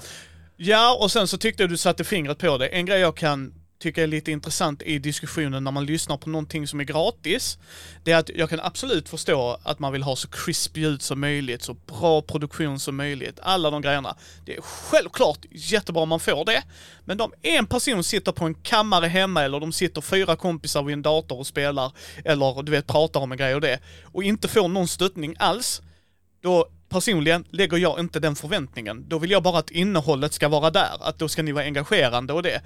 Ni som får hjälp och stöttning av folk, som du säger då, att då kan de ju ha en förväntning. Nu hör inte jag Anton, nu är det illa, jag har betalat för att höra Anton. Jag får inte höra Anton liksom. Att då, då blir det ju en helt annan aspekt av det och jag tycker precis som du säger, jag tycker den är en sund inställning i att nu får vi betalt, nu gör vi en produktion. Nu har vi ju någonting att sträva efter. Liksom Nej, men det tas på allvar på ett annat sätt liksom. Pre- precis. Vilket Ja, och det är där man vill göra också. Man vill ju att de sakerna man arbetar med, lägger tid på, ska kunna bli så bra som möjligt. Och samma, samma sak även där som, som jag nämnde att vi har, vi har ju en ljudtekniker, eh, Jonas Sjöberg, som är då en av landets bästa ljudtekniker faktiskt. Alltså han gör massor jättestora produktioner. Det är han som fixar ljudet till liksom Melodifestivalen och Let's Dance och massa liveproduktioner liksom. Och honom jag vill ju kunna betala honom för att han gör det här åt oss också liksom. Eh, Och det, det, det, ja, jag vet inte, det är ju, jag tar det på allvar liksom. Eh, känns superviktigt. Ja, nej men det är det ju. Jag menar även, även om eh, jag inte tar betalt på det sättet utan, men sen blir det ju, jag kan ju inte säga till någon som ska podda med mig att köpa den bästa micken. Alltså det, det är liksom det, är det jag försöker få folk att förstå. Ni får ju vad ni betalar för. Det vill säga betalar du inget, då kan du, vissa krav kan man alltid ställa. Som sagt, hör jag inte personen alls, då är det illa oavsett om det är gratis eller inte. Men då får det vara lite burkigt ljud kanske, någon som sitter i ett kök för det är där de har platsen. Medans ni levererar ju ändå någonting till folket liksom på ett annat sätt. Och att ni har den bakgrunden gör det också jätteroligt och intressant att höra era tankar om det. För att ni vet vad en produktion kostar. Många förstår ju inte det. Liksom att, ja men det är väl bara att sitta i ett rum och göra en mix. Va? Ja, sen kommer en kille fyra timmar senare och så på ett timmes material tog det han fyra timmar att städa ur ljud och göra det så jättebra som möjligt. Ska han inte få betalt för det?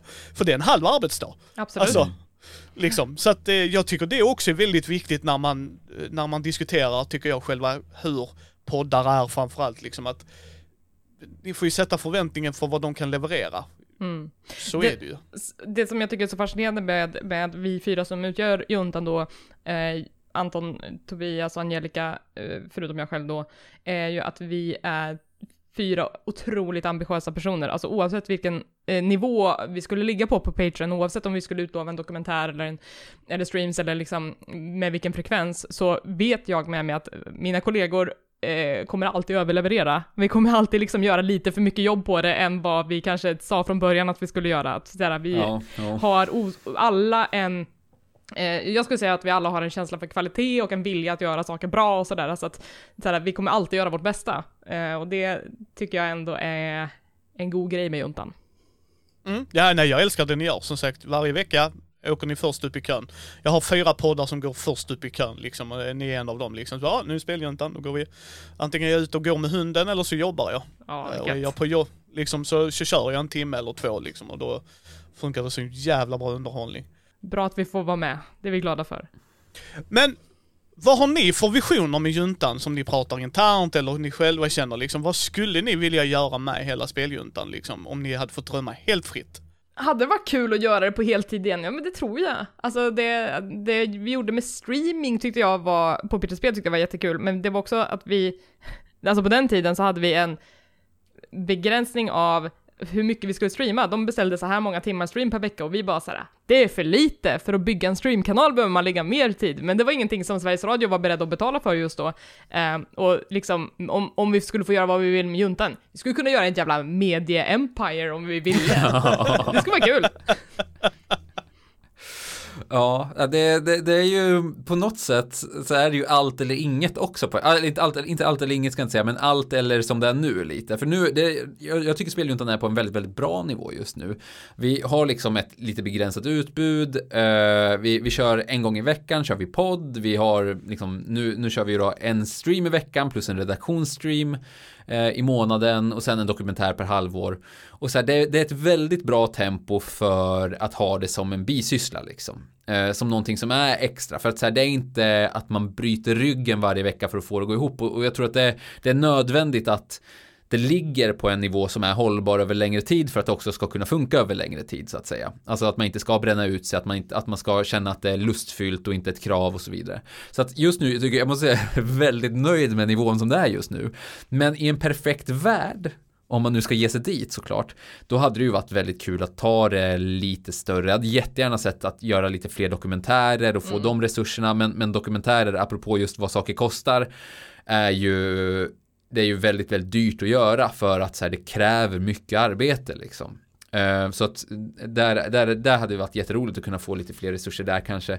Men sen hade jag jättegärna sett också att vi blir kanske mer självklar del i den svenska spelbevakningen också, även i, på andra ställen. Eh, mm. Hade jättegärna liksom medverkat mer på ja, men olika event och sånt runt omkring. Hade, för vi var ju runt en del i och med Peter Spel på ja, men diverse event av, av, olika slag. Vi körde lite med Närcon, vi var liksom på eh, men olika mässor och konvent och sådär. Eh, och hade alltid väldigt, väldigt roligt på de grejerna. Eh, så mer sånt skulle jag kunna tänka mig att dra på sen också. Så, men då, då, det som gäller då är att det måste finnas någon slags önskelista, så skriv till era konvent, säg att ni vill ha dit speljuntan, så kommer vi, om de, ja. bara, bara, vi får liksom frågan. Men liksom på, om man tittar, tänker mer realistiskt då, såhär, vad vi har för planer nu, så tänker jag att det skulle vara skitkul att göra till merch, men det är ju också liksom en hel apparat som man måste sätta igång och liksom hur ska det funka med distribution och hur ska det göra där? Jag kommer inte liksom sitta och orka hålla lager här hemma. Vad finns det för Nej. partners man kan prata med och sådär? Man är för gammal för att göra sånt ah, också kan jag känna. Alltså ah, så här, förr kunde man göra, så här, det, det, ingenting spelade någon roll så länge man gjorde det liksom. Uh, men så, ja, där är jag inte längre, utan du måste, det, det är ju också återigen det här med att vi faktiskt har en gräns för liksom att vi måste lägga upp till den här pengen för att göra juntan liksom. Att så här, att man jag vet inte, det är det vuxna sättet att göra podd på känns det som. Eh, och det sträcker sig ju även ut över då eh, merch och den typen av grejer. Att, även där tänker jag att så här, man måste, vi måste kunna göra det hållbart liksom. Eh, på, på flera sätt. Um. Ja, för ni gör ju en otroligt professionell produktion kan jag säga. Alltså jag, jag gillar hur, hur det är strukturerat, att det är en tanke på kvalitet, innehåll, alltså hela, det märks att det, det är inte något ni bara rasslar ihop. Och ja, kul så... att höra det, för man vet, så här, jag har ju ingen aning själv där, ska jag ärligt erkänna. Uh, alltså så här, det är klart man, man, man vet ju vad vi, jag vet ju vad vi släpper ut så att säga, men hur det uppfattas är ju väldigt, väldigt svårt att, att känna till. Så det, det gläder mig att höra en annan också som är i skrået, inte minst, som tycker det. Mm. Ja, det är en grej jag har pratat mycket om när vi var på Gothcon och höll i en panel där som jag var moderator i. Att, eh, framförallt till andra kreatörer, där är otroligt mycket tysta lyssnare du har. Alltså, de hör inte av sig för att det är perfekt. Precis. Liksom så här, nej, speljuntan är perfekt, det är precis det jag vill ha. Ja, fast som kreatör finns det inget bättre när de faktiskt hör av sig och säger Bra gjort där Anton, det var jätteroligt att du hade Monkey Island-grejen, du hade, du hade koll på det liksom. Och alltså, alltså när man får höra de glada tillropen, även, även när det blir kritik på ett bra sätt, för kritik ska man kunna ta i mångt och mycket och beroende på hur den läggs fram, men vissa gånger är det bra kritik man kan få att du, eh, Antons mick burkar. Eh, och det kanske inte att man hör det själv eller hur mycket någon jobbar med det eller eh, nu har ni ju han som kan hjälpa er, men om man inte har det, då vet man kanske inte det för att jag pratar i micken här och jag hör, alltså och sådana grejer. Så att det är otroligt mycket tysta lyssnare man kan ha som aldrig hör av sig för att, nej men de är ju nöjda. En gång i veckan startar jag speljuntan mm. och då har jag dessa fyra individer med mig och det är göttigt snack liksom. Det borde de ju veta, jag lyssnar varje vecka. Så bara, ja, men det kan också vara kul att höra av er kan jag säga. Ja, vi gjorde ju en grej i vintras, vi hade ju faktiskt en, enkät som vi körde, eh, var, det innan eller efter årsskiftet och vi var såhär, fan nu gör vi en enkät, det är skittråkigt, ingen kommer svara på det här, men vi ställde liksom en massa frågor om så här, podden, innehållet, Patronen, tyckte ni att ni, att ni får värde för pengarna när ni ger Patreon? Vad, vilka rewards tar ni del av? Tar ni del av någonting alls? Kan vi göra någonting bättre liksom? Hur kan vi göra att det känns mer värt för er att vara Patreon för Speljuntan? Och jag blev så himla överraskad över hur jävla mycket svar vi fick in, alltså folk var superengagerade och liksom det gensvaret har jag nog aldrig sett i Speljuntans Nej, det är- historia innan dess. Det var Ehm. otroligt. Det var ju flera hundra pers som satt igenom den där uh, enkäten. Liksom. Och den var inte är kort. ju- Den var inte ja, den var kort. inte Nej. kort var den inte. Jag Men är det en var av dem. väldigt många bra. Ja, du gjorde det? Ja, vad kul att höra. Ja. Alltså, det var, och det var, ju- det var ju supervärdefullt. Alltså jättevärdefullt. Just också, alltså dels för att det var många bra förslag på utveckling, men också för att få den där bekräftelsen över att ja, men många av de aspekterna som är speljuntan idag är precis vad folk vill ha. De är nöjda Japp. med det och det, att bara få veta det, men då kan vi köra på med dem och fokusera på de delarna eh, som kräver lite utveckling och se till att bli bättre där. Ja, då, det är det jag menar. Ibland, ibland är det ett, ett sånt tillrop jättebra för ens, alltså att orken att hålla på med det också kan jag säga gott folk. Eh, jag har lyssnare som har mejlat mig och tackat mig liksom eh, och bara oj, tack själv liksom. Men jag har två grejer som vi skulle avrunda med. Eh, tre tips till folk som skulle vilja göra något sånt här. Vad skulle ni då tipsa dem om? Mm, alltså, Alltså, som vill göra podd typ eller? Det kan ni välja helt fritt här. Ja, eh, ja, men jag, jag kan börja med några tips. Jag, jag jobbar ju då eh, med radio och sånt och jag vill Här kommer ändå... proffstipsen. Ja, men jag vill ändå slå ett slag för tänk igenom kvaliteten lite. Alltså dels ett, börja med liksom eh, att ha ändå dräglig mikrofon.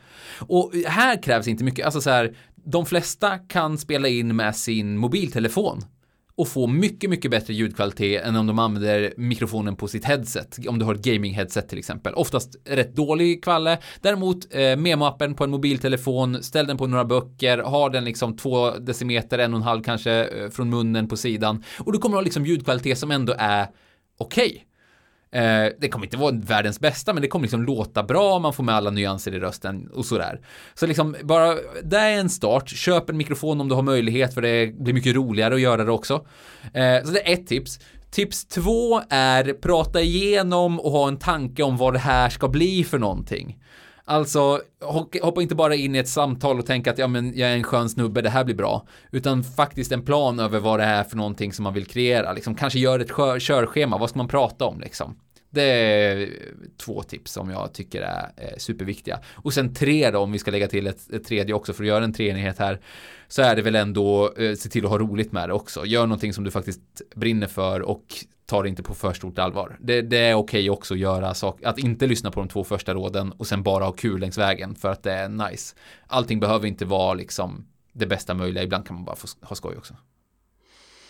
Jag vet, inte, det var ett jättebra tips. Jag vet inte, såhär, jag, om jag skulle liksom vilja brodera ut det med någonting så skulle jag också uppmuntra folk att kanske vara väldigt mycket sig själva. Försök inte vara någon annan när man gör en podcast. Försök inte att liksom skapa en persona som inte är du, för det kommer att lysa igenom om du inte är bekväm med att vara den personen framför mikrofonen. Om du är lite konstig och gillar datingsimulatorer, men omfamna det då, liksom gör en hel jävla grej av det. Säg att alla andra är dumma i huvudet som inte gillar datingsimulatorer, liksom. Alltså, du, det, om Ja, du verkligen pratar en bra poäng. om du pratar om någonting som du känner för, det här sa ju du innan också Anton, så kommer ju andra också att tycka att det är kul så länge du är passionerad för just den saken. Så hitta liksom din nisch och kör stenhårt på den istället för att försöka göra som alla andra.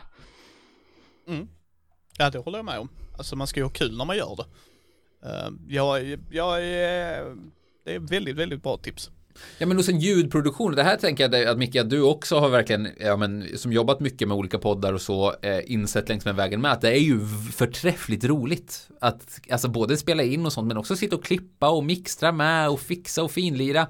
Det är tveksamt, jag, jag vet jag, alltså jag är ju ganska mycket liksom, Jag har, eh, eh, jag har 300 avsnitt in. Jag kan säga dig att det är... Eh, där är vissa grejer som är roligare att klippa än andra. Ja, men men så här, absolut... och det är kanske där, så här, då handlar det kanske också om vad man gör för produktion sen. För att det finns ju så här, det finns ju det som är, eh, fabriksklippning liksom. Ja. Som är de här vanliga snackpoddarna. Det kanske inte är så mycket. Men liksom släng ihop en, försök göra en dokumentärpodd då. För Yes. där kan man leka med ljud på ett mycket tydligare sätt och liksom använda berättande och liksom skriva manus och sånt där. Och det, det är ju en annan typ av, av liksom podd eh, eller möjlig ljudberättande i alla fall. Och där, är ju, där kan ju verkligen alltså klippandet vara en, en, en, ett nöje i sig. Som, som verkligen kan bli superroligt. Ja, alltså mina AP-grejer, det börjar ju inte vi med. Vi var en diskussionspodd från början och sen fick jag frågan av några lyssnare, varför kan vi inte få höra dig spelleda? Du ger intressanta tips. Så då började jag spelleda, men då gjorde jag som du sa där Anton, jag började leka med bakgrundsmusik, jag började kolla om kan inte någon göra en dubb här? Jag vill ha en dubb till Pingvinen, så jag frågade en polare som är från Göteborg, kan du spela Oswald Cobblepot? Han bara, ja, jag är på liksom. Och sen så fick jag en annan kompis till mig som, som bara, ja, kan du göra Batman-rösten? Kan du göra Jokern-rösten? Kan du spela Harley Quinn?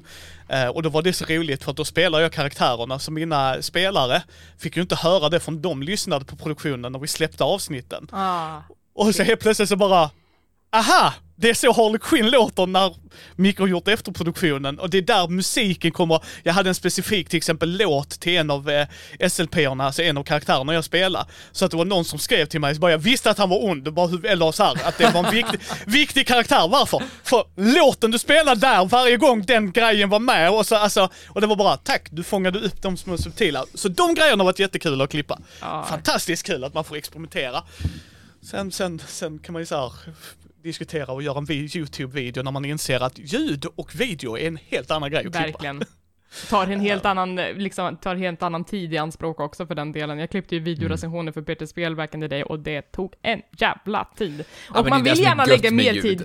Men alltså, men också det att ju mer tid man lägger på video, säkert på ljud också, det vet du bättre än jag Anton, men ju mer tid man lägger på det, desto bättre blir det. Jag Ja, ser ju liksom att, gör jag det här, då blir det ännu lite bättre, men då kommer jag sitta här i tre timmar till. Och det handlar ju om också, också om att veta när man bara ska stanna. Ja men good enough är viktigt, alltså så är det ju verkligen. För jag vet att vi hade, vi, har haft eh, lite praktikanter över årens lopp och ibland så blir, kan de bli liksom, när man är ny till att producera saker eh, medialt och så, så finns det ett väldigt stort, en prestationsångest liksom. Och ibland så kan den vara så stark och så påtaglig att man vågar aldrig släppa någonting för att man är inte nöjd och man hör själv att det här är inte perfekt liksom och då så vill man bara jobba vidare, jobba vidare, jobba vidare. Och ibland så är det bara jätteviktigt att inse att så här, det här, det funkar. Nej, det är inte perfekt. Nej, det här är inte vad jag kommer liksom visa för barnbarnen när jag ska spela upp vad jag gjorde på radio. Men det är fine liksom. Och så kan man gå vidare och göra nästa grej som kommer bli bättre liksom. För då har man ändå utvecklats lite, lite, lite. Och det där, alltså, för man kan inte gå och gräva ner sig. Det är bara radio till slut liksom. Ja, jag tror, eh, ja, jag gick ur devisen och jag tror ni kanske håller med där, framförallt när ni gör speljuntan. Det jag gör håller i Mindy. Typ intervjuerna, videosarna, allt det där. Det är ju saker jag själv vill ta del av. Alltså, det är saker jag har saknat, saker jag tycker är intressanta. Liksom, eh, du kan absolut hitta poddar som spelar superhjältar i, Sva- eh, i, i världen, liksom, när de gör det. Men jag hittar ingen som gjorde det på svenska. Och framförallt inte Dark and Gritty, vad jag älskar med Batman. När tjejerna möter, så möter de skurkarna så som jag tänker att de är. De är ju inte snälla, det är ju inte campy 60-tals Batman, bara kapow! Utan de bara, oj shit, där är någon som sätter eld på folk, hur hanterar vi det här liksom? Eh, nej men det blir ju den grejen va, Ja. så att det, det är hela tiden det tänket jag har, att så länge jag landar i att jag är nöjd, så kan jag åtminstone luta på det. Att jag är nöjd med vad jag har gjort här. Sen kan man ju alltid bli bättre, där är knep man kan hitta. Vår ljudkvalitet kanske inte är den bästa i början, men sen uppgraderade vi mickarna. Så det är alltid steg man kan göra. Men trivs du inte med det, så what's the point? Du behöver ju inte göra den bästa produktionen om inte hjärtat är där. Jag menar, Gothams räddning är min magnum opus. Jag kan säga alla andra produktioner kommer inte få lika mycket dubbar. Första säsongen hade vi 24 dubbar, jag är uppe i 33 nu, 30, nej förlåt, 38 i säsong 2. Alltså hela den processen, först spelar jag in, sen ska jag skriva, när jag grovklipper det så ska jag skriva manus till alla, sen ska det skickas iväg och sen så när det kommer tillbaka, ska, alltså det finns ju inte en fet chans i världen att jag kommer göra det på alla produktioner. Men Batman är så viktig för mig, så då blir det ju Ja, men det är grej. värt det. Det är värt det Yes. då liksom. När man bryr sig så är det värt det.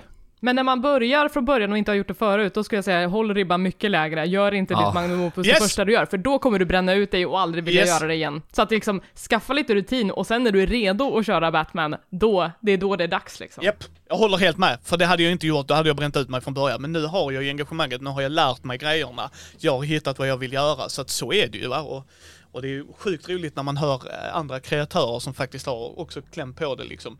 Um, för folk, jag tror tyvärr folk underskattar värdet ni gör och vi andra kreatörer gör liksom att ja men det är väl bara att sitta och klippa lite. Så man bara nej, som ni fick reda här nu att han satt med en timmes podd ni kanske lyssnar på tre, fyra timmar med att fixa ljud. Det kan vi ju tycka är inget, det gör inte jag. All heder till honom. Sista frågan till er. Vad är det som är underbart med denna hobbyn? Vad är det som gör hobbyn så underbar? Och det är spel i allmänhet skulle jag säga. Inte bara tv-spel kanske, men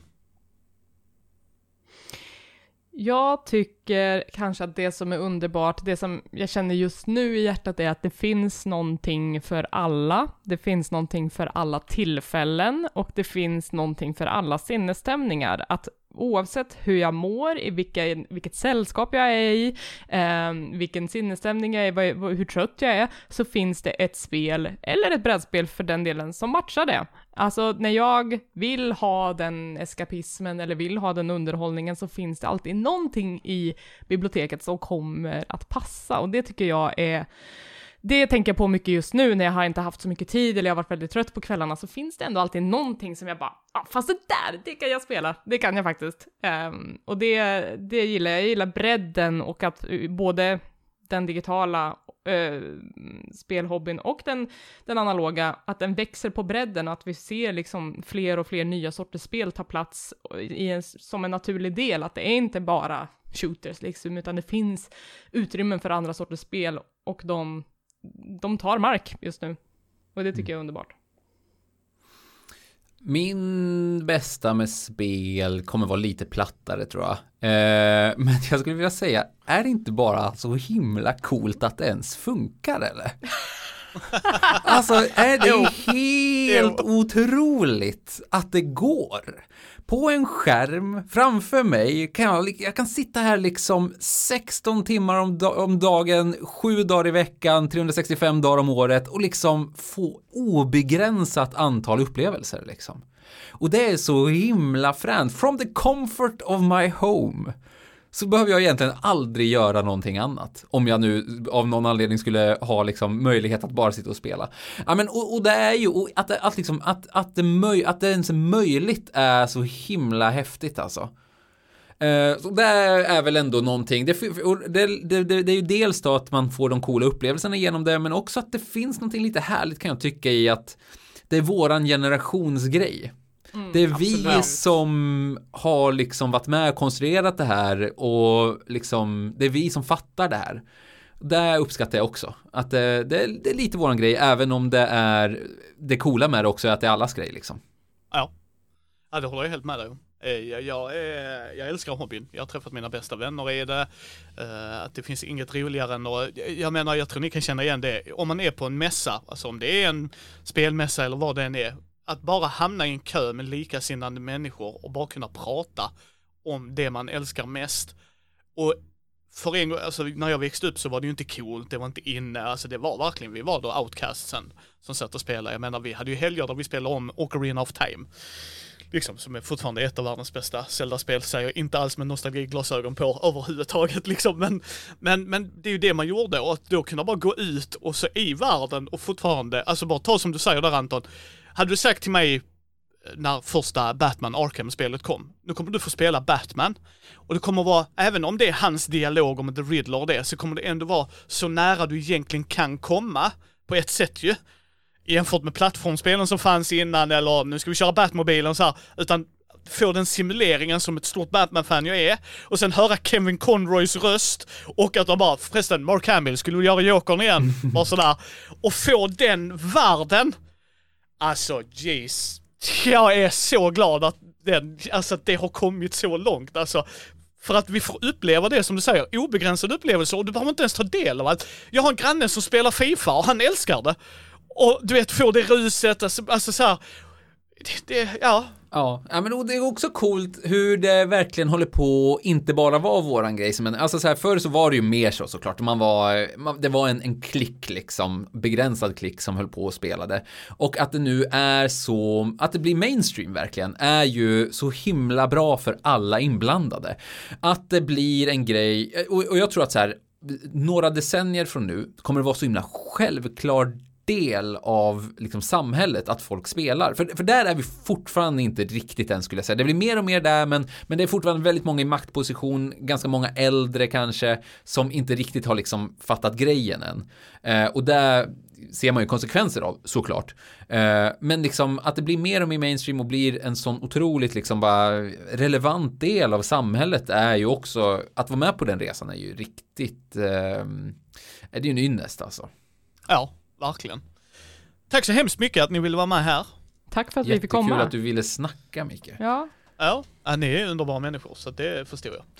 Ehm, Så att, eh, och ni gör en jättebra grej. Ni pratar om inkludering, ni pratar om eh, saker och ni pratar om liksom hur kan vi fortsätta framåt? För det är det vi behöver göra. Vi behöver få de äldre och de som inte riktigt fattar varför grejen är det. Det är en gemenskap, det är, du kan ta till verktyg, lärdom, alltså det är mycket som hjälper folk och där är mycket, mycket, mycket dåligt också såklart, men där är också bra grejer vi kan ta lärdom av och nej, Mm, det är det en underbar är- hobby det är det som har varit spännande med att liksom komma in på insidan av spelbranschen också, att nu är ju jag med den som är med och sitter och väljer vilka spel vi ska förlägga på vårt företag. Jag är inblandad i produktionen. Jag kan säga stopp och belägg, det där är inte okej att ha i sitt spel. Det där skriver vi om just nu. Att, att få vara i den positionen och faktiskt vara med och påverka sådana saker, både i själva spelen men också på arbetsplatsen, det tycker jag är ändå, jag trodde aldrig att jag skulle hamna här, men nu är jag där och det känns jävligt bra. Ja, och det behövs. Det behövs att man har, eh, vissa gånger så kan det kännas AAA corporate och då behövs det folk som faktiskt bara, ni behöver inte ha den här typen av stereotyper. Ni kan faktiskt skriva en bra grej för en gångs skull och se hur det känns. Man kan fortfarande tjäna pengar på det och jag tror man skulle tjäna mer pengar på det idag för att det är som, eh, jag vet inte hur ni gör men Eh, jag- fick en fråga av en polare liksom, när du kan spela kvinna i ett spel, liksom oavsett vilket spel, man, ibland kan man ju välja, vad spelar du? Så säger jag alltid kvinna, varför? För det är fortfarande färre gånger i alla mina spelupplevelser jag kan göra det, så då väljer jag att göra det. Eh, alltså det, det är av den anledningen, jag vet inte hur dialogerna blir, men bara okej, jag får spela kvinna, då gör jag det. Så i Assassin's Creed, jag var kvinna. Alltså varje gång jag kunde spela så bara, kvinna, då kör vi på det. Det ska bli intressant att se hur de gör, hur de poetrerar henne och sådana saker liksom. Så att, ja, jag håller helt med. Det är, ja, ja, de hade olika visioner vad vi skulle vara på 2020-talet. Ja. Eh, Jag har inte sett de flygande bilarna än, men Det kommer. det kommer. Frågan är bara om jag lever då. Eh, så att, tack så hemskt mycket. Det kommer vara länkar i show notesen till Speljuntan. Om Yes. ni förmodan att ni har missat dessa underbara människor så finns det i show notesen såklart. Och tack ännu en gång.